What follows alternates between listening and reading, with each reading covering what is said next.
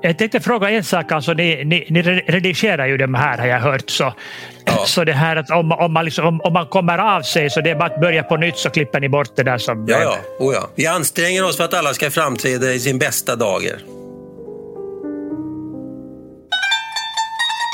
Välkomna till ännu ett avsnitt av Mellanösternpodden där vi idag ska ta upp ett eh, kraftigt underrapporterat ämne skulle jag vilja påstå, nämligen eh, minoriteter i Mellanöstern. Och för att hjälpa oss att diskutera den frågan och ge lite mer klarhet i detta intressanta ämne så har vi med oss Svante Lundgren, docent från Lunds universitet. Svante, välkommen till Mellanösternpodden. Tack så mycket. Låt oss börja i eh, någon bra ända, till exempel påvens besök i Irak alldeles, alldeles nyligen. Eh, när man tittar på hur eh, kyrkorna i Europa, alltså både katolska och protestantiska, hur man, hur man deras förhållningssätt till de, ska vi säga, de gamla kyrkorna i Mellanöstern. Hur ser man på, på, på, de här, eh, på de här kyrkorna? Hur är förhållandet? Det har ju, om jag förstår saken rätt, varit ganska eh, skakigt under många tillfällen eh, och de här kyrkorna här nere har ju ofta uttryckt att de inte alls har fått det stöd som man tycker att de borde ha fått. Kan man se påvens besök som en sorts sätt att försöka eh, mer aktivt engagera sig i, eh, i kyrkorna i Mellanöstern. Vad skulle du säga om det? Man kan absolut se det på det sättet. Alltså påven, det, var, det här var ju första gången som någon påve någonsin besökte Irak. Och, och, det var inte en slump och det fanns ju till och med de som, som menar att på grund av den här pandemisituationen borde han hålla sig borta.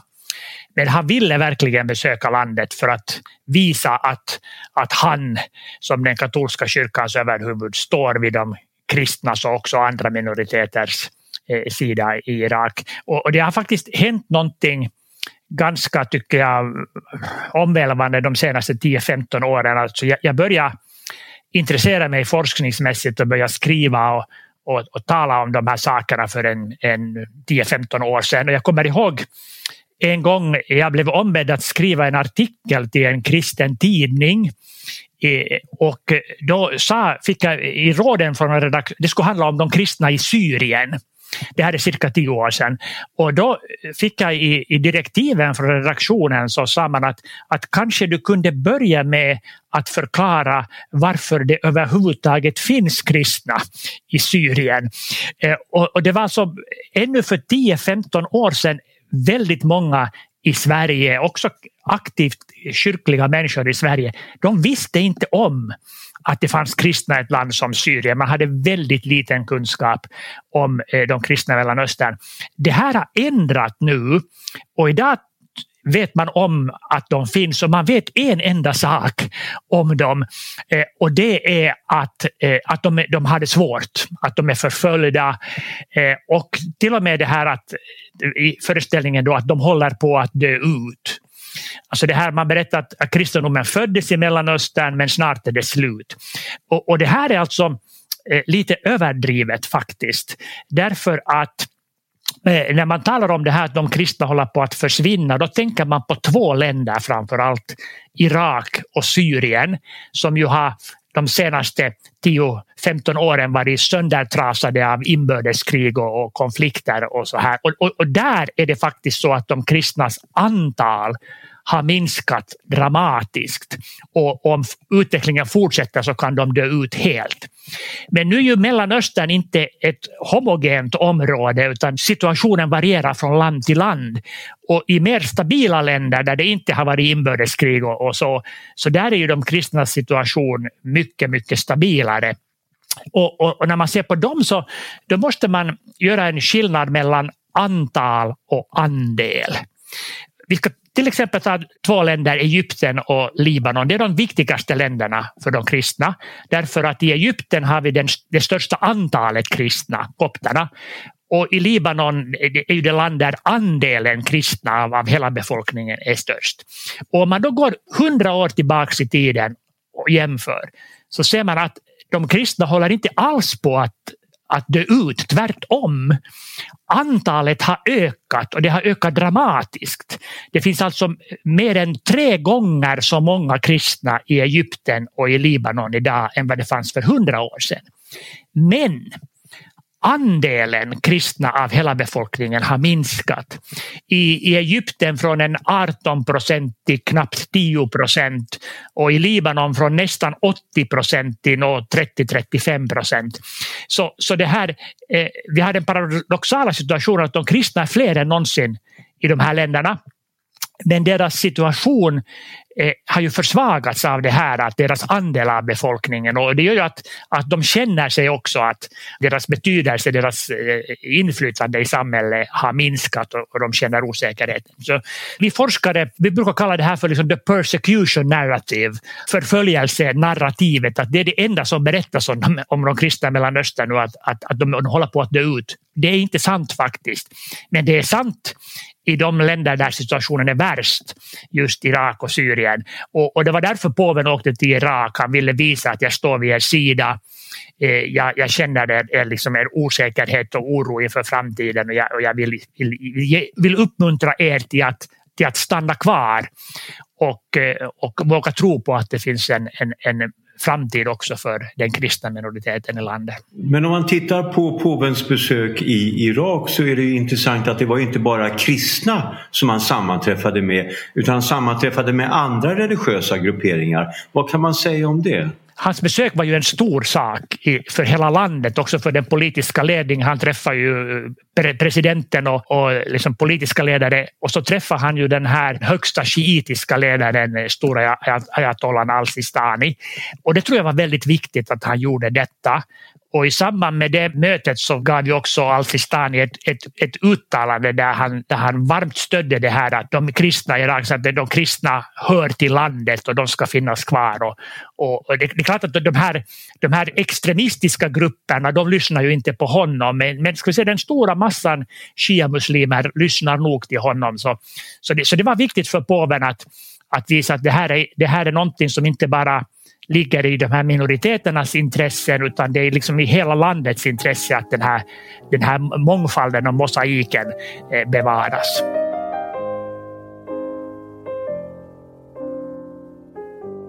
Vi pratade förut om Libanon, eller du pratade förut om Libanon och jag tyckte det var intressant när jag gick in och googlade på Libanon så visade det sig att det finns hela 18 stycken registrerade eh, religiösa minoriteter trots att det här landet är förhållandevis litet.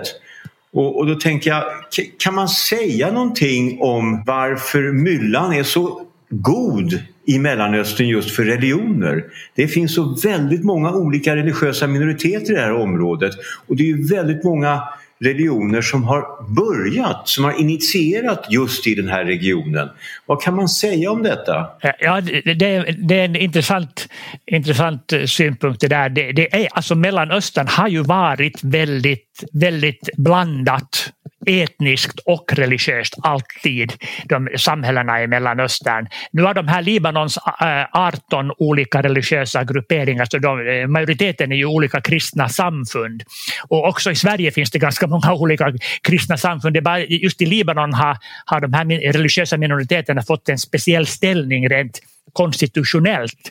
Och också, också på det sättet att att i det politiska livet så är ju alla positioner är ju kvoterade efter religiös grupp. Att eh, liksom den maronitiska kyrkan har ett visst antal parlamentsplatser och druserna har ett visst antal och så här. Så det, det har liksom satts i system på ett annat sätt. Men det är intressant det här nog med mångfalden i Libanon, litet land, är att, att just Mellanöstern har varit oerhört mångkulturellt och mångreligiöst. Men den här trenden, den långsiktiga trenden på hundra år är ju bort från det.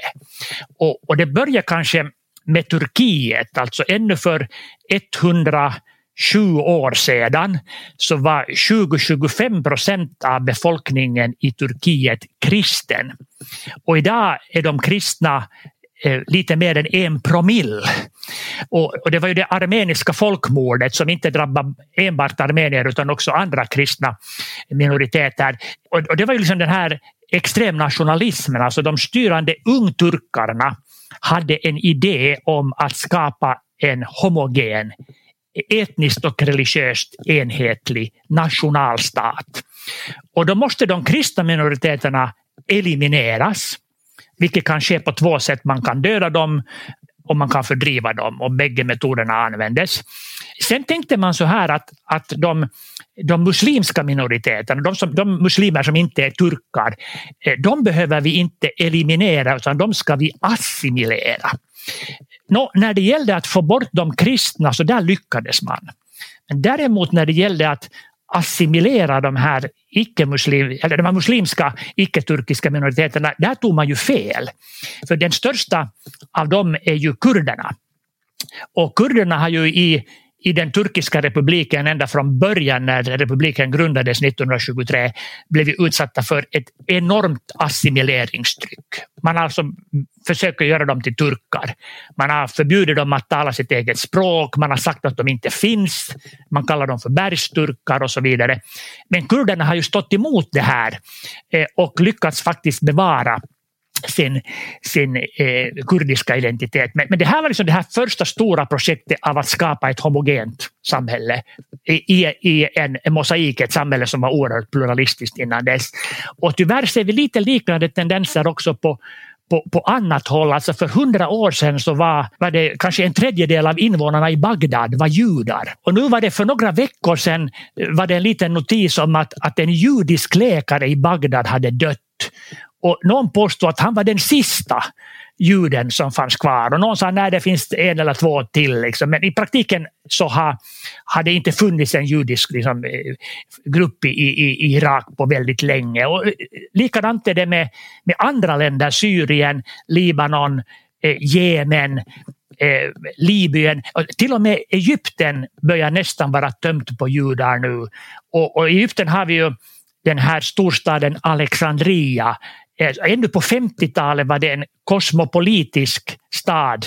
Det bodde eh, kristna och muslimska araber men också judar, armenier, greker, italienare. Idag är det mesta borta, det är en, en arabisk stad nästan helt och hållet. Så, så eh, på många håll har tendensen varit det här liksom, från en mångfald till mera enhetlighet etniskt och religiöst. Men är det, är det en rörelse som du tror kommer att fortsätta? Är det så att om 25 år så finns det bara kopter och kurder kvar i den här regionen? Det är svårt att förutspå vad som händer. Alltså, risken finns. Alltså, det finns ju Alltså kopterna och kurderna de har ju liksom kritisk massa, de är, de är så många så, så, så de kommer helt klart att, att, att överleva. Det, vi pratar ändå om eh, för kurdernas del tiotals miljoner, för kopterna upp mot en tio miljoner. Bland de mindre minoriteterna så, så ser vi ju redan det här att grupper mer eller mindre dör ut. Och ett exempel på det är ju mandéerna i Irak som har funnits i Irak i 2000 år. Det har aldrig varit någon jättestor grupp men i alla fall eh, kanske 100 000 före de här svårigheterna började. Nu är det kanske 5 000 kvar i Irak. Det finns fler eh, mandéer i Sverige än i Irak. Så där är en, en minoritet som redan liksom för, har försvunnit därifrån och yazidierna kan gå samma öde till mötes och, och, och många andra. Eh, så, så tyvärr är inte, inte prognosen riktigt positivt för de här mindre minoriteterna. Nej.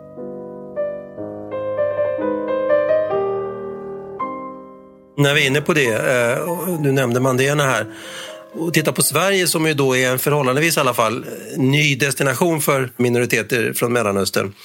Eh, vi har de stora grupperna kurder och syrianer och så, assyrier. Men just mandéerna, låt oss ta det som ett exempel. Du nämnde att det finns fler, fler mandéer i Sverige än det är i Irak faktiskt fortfarande. Har de en möjlighet att överleva i ett, i ett eh, sekulariserat modernt land som, som, som vårt? Jag menar, är inte det ytterligare en, ett problem för de här små minoriteterna? Att även om, om de fördrivs eller flyttar av andra skäl, men i det här fallet är det ju fördrivts, och kommer i ett helt annat sammanhang där, där eh, den allmänna miljön är betydligt mindre, kanske ännu mindre, eller i alla fall lika dåligt på att ta emot de här grupperna som de, som de var i, i hemlandet. Klar, har, har de här grupperna någon, någon chans egentligen att klara sig? Alltså det är nog en bra fråga hur det går på sikt för sådana här grupper. Det, alltså dels, alltså alla grupper som invandrar till ett främmande land, det finns ju den här liksom, eh, finns vissa mekanismer som för assimilering. Eh, och, om, om gruppen är liten och om, om dess egen kultur på något sätt avviker mycket från, från det här världssamhället så blir det ju svårare ännu. Och, och till exempel med mandéerna och, och, samma sak med yazidierna, som jag känner, jag känner yazidierna betydligt bättre än mandéerna, så finns det en problematik där är är att, att, att de är ju endogama rörelser, det vill säga man, man gifter sig inom gruppen. Och om vi tar yazidierna då, så ursprungligen har de ju, deras kärnområde i norra Irak och det har ändå funnits en kritisk massa på en, en, en eh, halv miljon, 600 000 som har bott ganska koncentrerat. Och då är det alltså om alla i din hemby är yazidier och alla i grannbyn är yazidier och i den andra grannbyn så är hälften yazidier. Så det betyder att det finns ett närsamhälle där du träffar din blivande partner. Eh, men sen om du flyttar till Tyskland eller till Sverige och gruppen är betydligt mindre eh, och, och, och det finns ett, hela det här omgivande samhället, icke-yazidiska samhället, det kommer med nödtvång att gå så att unga yazidier och unga mandéer också träffar eh, någon, tycke uppstår, de vill gifta sig med någon som inte tillhör gruppen. Eh, och, och, det har inte varit tillåtet hittills, det, det finns ju en diskussion, alltså det här eh, när sånt här händer så man kan ju fundera, kommer religionen att överleva? En annan möjlighet att säga att jo, den kommer att överleva, men den måste förändras. Och det som diskuteras är just det här att ska vi, ska vi, ska vi ändra på det här kravet på endogami, tillåta att man gifter sig med någon icke, icke som inte tillhör gruppen och, och, barnen ändå räknas som tillhör gruppen. Och sånt här. Sådana här utmaningar ställs, ställs de här inför och, och, och det här och, nu är det, nu är, det har gått så kort tid att vi vet inte, men, men, men på sikt blir det ju intressant att se hur, hur, de, hur de klarar sig. Tror du de har större möjlighet att reformera sig i ett land som Sverige än, än, de, än de skulle ha i, i, ja, i hemlandet, i ja, Irak då i det här fallet till exempel? Helt säkert. Alltså, hade, hade inte de här, alltså för yazidiernas, eh, mandéerna så var ju det här, det här sekteristiska våldet som uppstod i Irak efter Saddam Husseins Eh, fall som drev bort dem och för yazidierna var ju det här Islamiska statens eh, terror mot dem här från, från 2014 framåt. Och hade inte de här sakerna hänt utan de hade fortsatt att leva där så då hade ju, då hade tror jag inte mycket reformation ägt rum inom religionen utan det hade varit fortsatt som förut. Men nu eh, när, när villkoren ändras och, och, en allt större andel av hela gruppen lever i diaspora, då måste man tänka om och, och, det kan leda till, det har redan lett, rätt till krav på reformation, reformation, förändringar och kanske småningom också förverkligas. Då.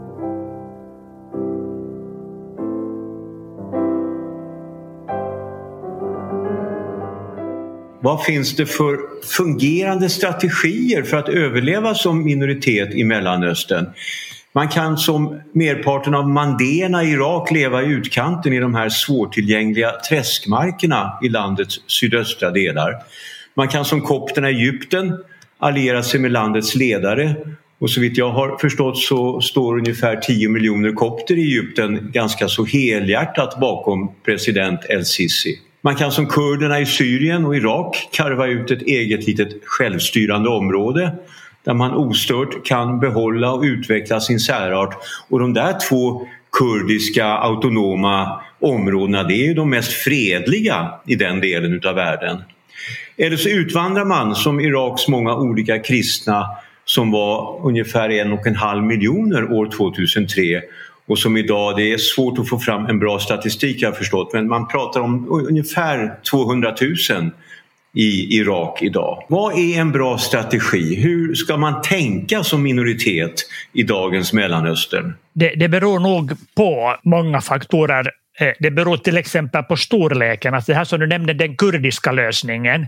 Det är att kurderna är så pass många och de, de dominerar i vissa områden. Och därför har de ju, har de ju ända sedan 90-talet haft ett autonomt område i, i norra Irak som ju på många sätt fungerar som en självständig stat. Men det, är de facto och de jure är det ju inte en självständig stat men, utan ett autonomt område. Eh, de försökte ju gå hela vägen här för några år sedan och, eh, och ordnade en folkomröstning och fick ju massivt stöd för självständighet. Men världssamfundet godkände, alltså det, det, den enda stat som stödde dem var, var Israel. Men alltså USA och EU och, och, och de här sa nej, ni ska, ni ska hållas kvar inom Irak. Eh, så, men, det, men det är ju en möjlighet om man är tillräckligt många, om man dominerar ett visst område, att man där utropar Eh, eh, autonomi eller i, i, i bästa fall då på sikt självständighet. Eh, men det är ju inte en lösning för många andra minoriteter för de är för små eller de, de, de, de lever lever inte så koncentrerat att de, de kunde dominera ett visst område. Det här med kopterna det är väldigt intressant för, för många kristna i Mellanöstern. Eh, nu när det, det är ju nu i tiderna också tio år sedan den arabiska våren och, och det som ju var typiskt med många kristna i många länder var det att när det började röra på sig så de, de, de, som, de stödde de här gamla regimerna därför att de, många, många kristna i Syrien, inte alla men många i Syrien, de stöder Assad-regimen. De, de vet att Assad-regimen är en brutal polisstat men de misstänker att alternativet är värre. Och, och, i Egypten var inte alls många, eh, det fanns kristna som var med på Tahrirtorget och, och, och, och kämpade men många kristna var inte alls glada över att Mubarak föll. Det är för att igen en gång de misstänkte att alternativet är värre och faktum var ju att Muslimska brödraskapet kom till makten efter Mubaraks fall. Och när sen då general al-Sisi återigen eh, liksom införde ett militärstyre kan man mer eller mindre säga, så nu, nu är ju stödet från kopternas sida är ju massivt. De upplever ju Sisi som sin räddare. Det var han som grep in och räddade dem undan islamisterna och han, han som har beskyddar dem och han, han har till och med eh, hjälpt till att, att bygga nya kyrkor och restaurera kyrkor som förstördes och så vidare. Så, så, så det, det har varit en, en strategi det här att, att stödja den rådande regimen därför att det ger ändå ett visst, visst och oftast starka nästan diktatorer därför att man upplever att Eh, det finns ett visst skydd skydd här. Eh, risken är ju den det då att om det blir en ny arabisk vår och, och också al-Sisi och de här nya härskarna faller, då kommer ju alla de som har stött de här regimerna att få betala ett pris. Jag har en god vän som var i Syrien och träffade en, en kristen där och han som god svensk så tog han upp det här att men, men Assad-regimen att det här Eh, att den, den är ju odemokratisk och den har ju liksom, eh, gör sig skyldig till, till grova kränkningar av mänskliga rättigheter och så. Och då svarar den här syriska kristna att det är lätt för er i Europa att tala om demokrati och mänskliga rättigheter, men för oss handlar det om att överleva. Och, och då stöder man den regim som ger en bättre möjligheter att överleva även om det skulle vara en, en brutal regim. Så, så det, det, det, ja, det var ett långt svar på en lång fråga. Det, det, liksom, det, det, det är svårt att säga vad som nu är den rätta strategin. Olika, olika grupper väljer olika strategier. En kort följdfråga. Ett land som vi inte har pratat om som jag tycker är väldigt intressant i det här avseendet det är Iran. Och I Iran så finns det ju 5-6 miljoner balucher till exempel som bor i ett ja, relativt eh, tillsammans och, och, då tänker man, skulle inte de kunna göra en kurdisk lösning? Skulle inte de kunna skapa en liten enklav med ett visst mått av självständighet? Men det kanske är så att Iran är ett exceptionellt land i det här avseendet? De skulle säkert kunna teoretiskt och det finns säkert de som drömmer om det också. Jag tror ju inte att Iran gärna ser någon sån lösning. Lika lite som som Turkiet vill ha någon kurdisk stat i sin sydöstra del eller, eller Assad-regimen i Damaskus vill ha en, en kurdisk stat i nord, nordöstra delen av landet.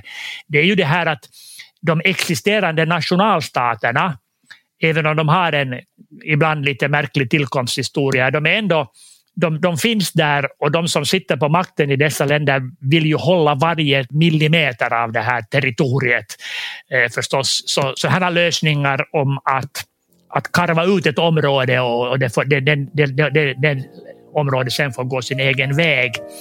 Eh, det möter ofta på väldigt hårt motstånd av de, de sittande regimerna.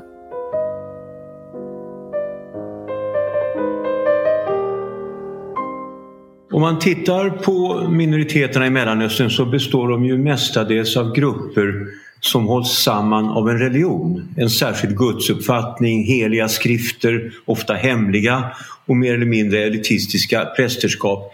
Men just det här gäller inte kurderna som ju kan vara muslimer och kristna men även judar. Och då undrar jag, utgör de det stora undantaget bland regionens minoriteter? Och hur förklarar man det? Det är en ganska så att säga, märklig konstellation att kurderna kan så att säga, ha två eller tre olika religioner och ändå vara en väldigt sammanhållen grupp. Ja, det här, det här är en, en intressant fråga och, det, och svaret är ja, de, de utgör ett undantag faktiskt. För, för det normala i, i Mellanöstern är ju är ju det att folk definierar sig, de identifierar sig utifrån sin religion väldigt mycket.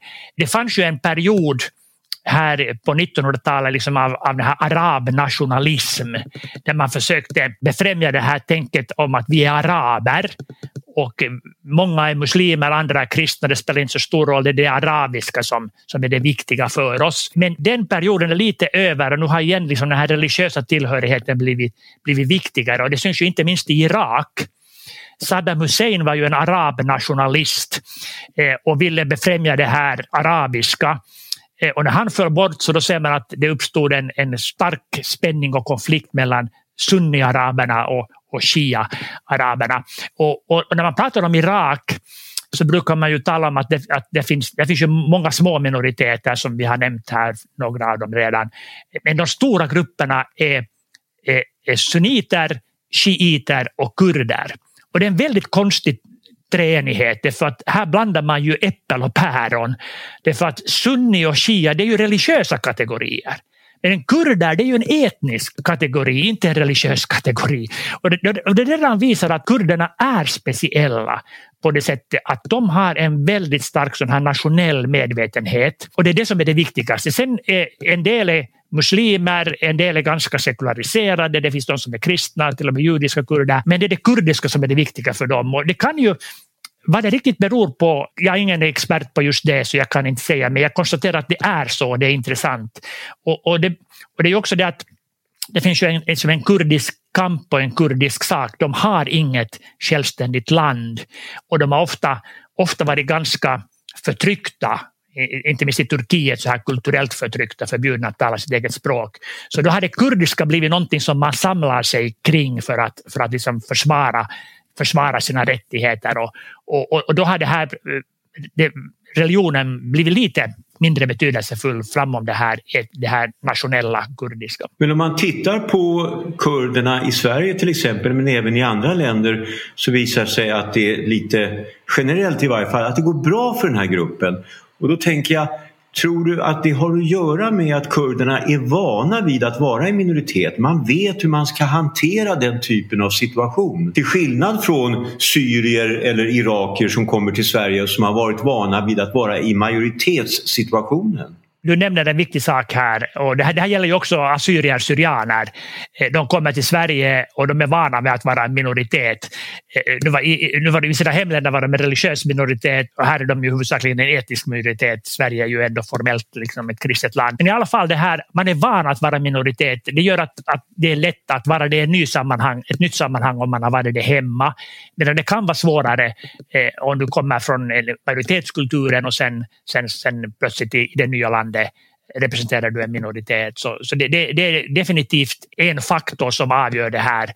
Eh, liksom, eh, hur väl integrationen går i ett nytt land. Mm. Om man eh, går tillbaka lite och tittar på det faktum att det är så pass olika ändå och, och eh, om, om, man tillhör en minoritet i, i Mellanöstern, skulle du säga att det är stor skillnad beroende på i vilken majoritetskultur du lever. Eh, spelar det till exempel någon roll, tror du, om det är sunnidominerat eller shia-dominerat? Eh, och, och, och, i det sammanhanget till exempel, bara för att ta ett, ett extremt exempel som är ganska nyligen då, Yazidernas öde, alltså det oerhörda våld och, och förtryck och förföljelse som de utsattes för av, av, av Islamiska staten. Kan man se några skillnader däremellan? Alltså spelar det någon roll var, vem, vem som är the top dog, så att säga? Alltså, det, är, det är en väldigt bra fråga, men jag, det är lite svårt att säga. Nu var det så att, att yazidierna, yazidierna har ju alltid varit utsatta från muslimskt håll. Eh, det har funnits alltså ett sånt här nästan hat mot dem av olika olika orsaker och det, det gäller både sunniter och shiiter. Men nu det här, det här senaste och värsta eh, med Islamiska staten, så Islamiska staten är ju sunni sunni-extremister.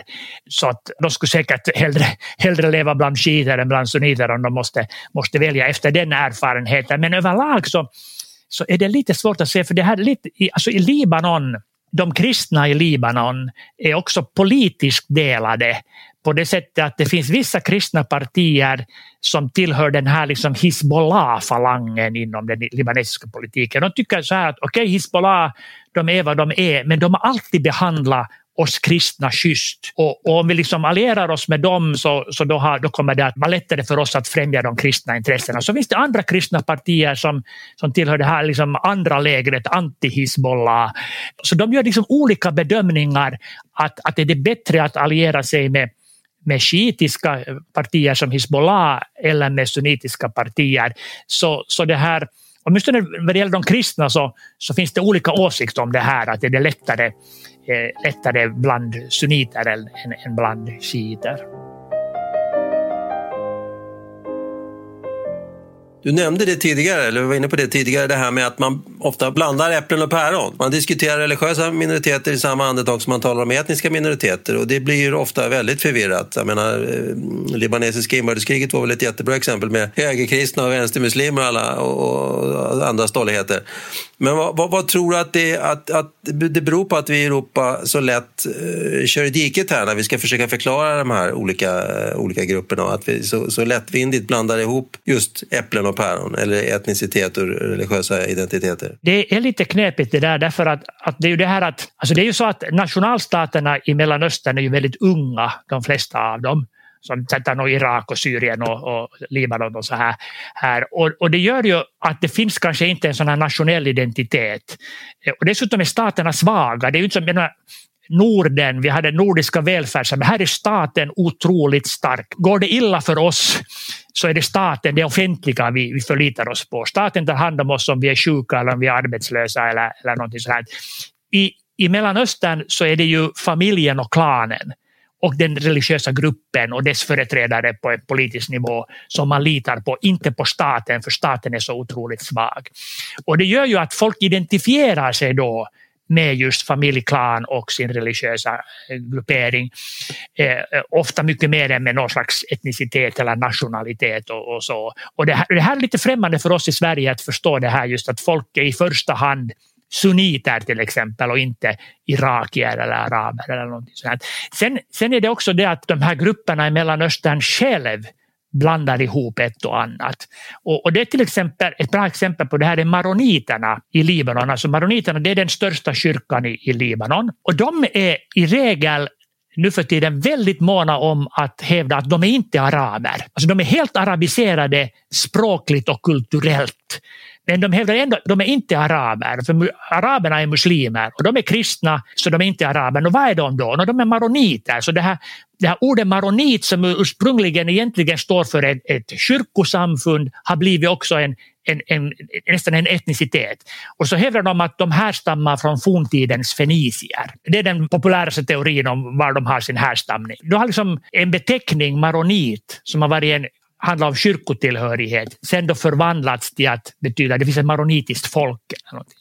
Och det, det, här är inte alls det enda exemplet på att, att det här med eh, religiös tillhörighet och etnicitet eh, går in i varandra.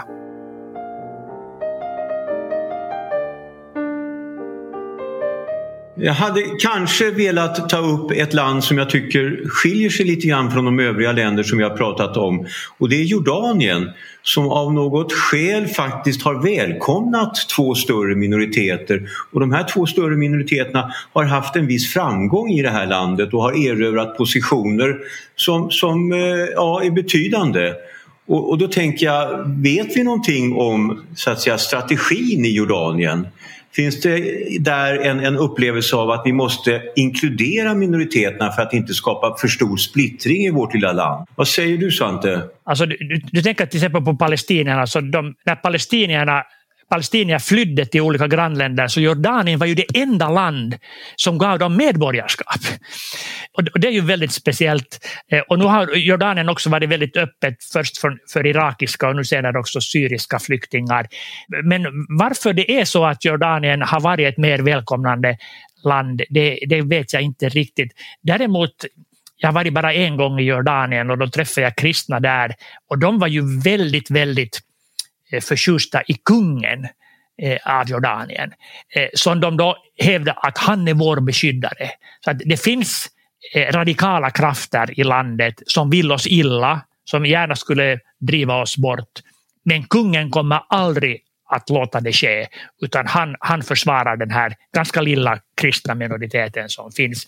Så, så där, där är igen den här strategin om att sätta sin tillit till, till den, den rådande, rådande härskaren. Men det, här, det, det verkar som det skulle finnas ett visst fog för detta, att han har faktiskt varit mån om att, att välkomna olika grupper och skydda minoriteter och så det finns säkert för, anledning för oss att komma, återkomma till det här. Jag menar, det här är som jag sa i början ett, ett underrapporterat ämne som borde få mera utrymme rent generellt. Ja, inte minst med tanke på att vi faktiskt har fler och fler människor från Mellanöstern i Sverige idag. Exakt. Det är en större grupp än man egentligen förstår. Mm. Det är, det är, en väldigt stor grupp faktiskt. Och, och dessutom så folk vet ju att det kommer hit muslimer från Mellanöstern men det kommer också många som inte är muslimer. Precis. Eh, här, det finns ju kanske mer än 200 000 eh, kristna från Mellanöstern som har kommit ända sedan, sedan, början av, sedan slutet av 60-talet och så. Eh, och nu, finns, nu är de här yazidierna, eh, mandéerna, aleviterna och, och så vidare. Så, så det, det finns en mångfald där. Som är, och det är ganska okänt tror jag. Men, men när vi ändå pratar om detta Svante, är Sverige speciellt på det sättet? Har vi så att säga tagit emot oproportionerligt många invandrare från Mellanöstern med tanke på hur stort eller litet Sverige egentligen är. Så är det. det Sverige är ju inte det enda landet förstås. Tyskland har också ja. tagit emot väldigt många eh, från Mellanöstern. Eh, Australien. Eh, men Sverige är, är, är, det är klart, det har varit lätt att komma till Sverige, det är lätt att, att, att få asyl i Sverige. Och, och sen när det har kommit först en del så då, då, blir det ju en snöbollseffekt att andra vill till Sverige därför att man har släktingar som, som bor, där, bor där redan. Så vi har, vi har ju nog oproportionerligt många från Mellanöstern om vi ser till landets storlek. Och så här. Till exempel de här mandéerna så torde det vara så att Sverige är det land i världen, eventuellt tillsammans med Australien, där det finns flest mandéer. Mm. Eh, fler än, än, än, än, i Irak och i andra, andra eh, som diasporaländer. Svante, tack så hemskt mycket för att du tog dig tid. Tack för att jag fick vara med. Nästa avsnitt av Mellanösternpodden kommer den 29 april. Och då ska vi ta upp ett ämne som Sverige kraftfullt har misslyckats med att hantera. Nämligen frågan om hederskultur och hedersförtryck. För att diskutera detta med oss har vi med oss Maria Hind Alias, aktivist och som under många år har kämpat för att eh, komma till rätta med denna import från Mellanöstern som vi gärna hade varit utan. Välkomna då!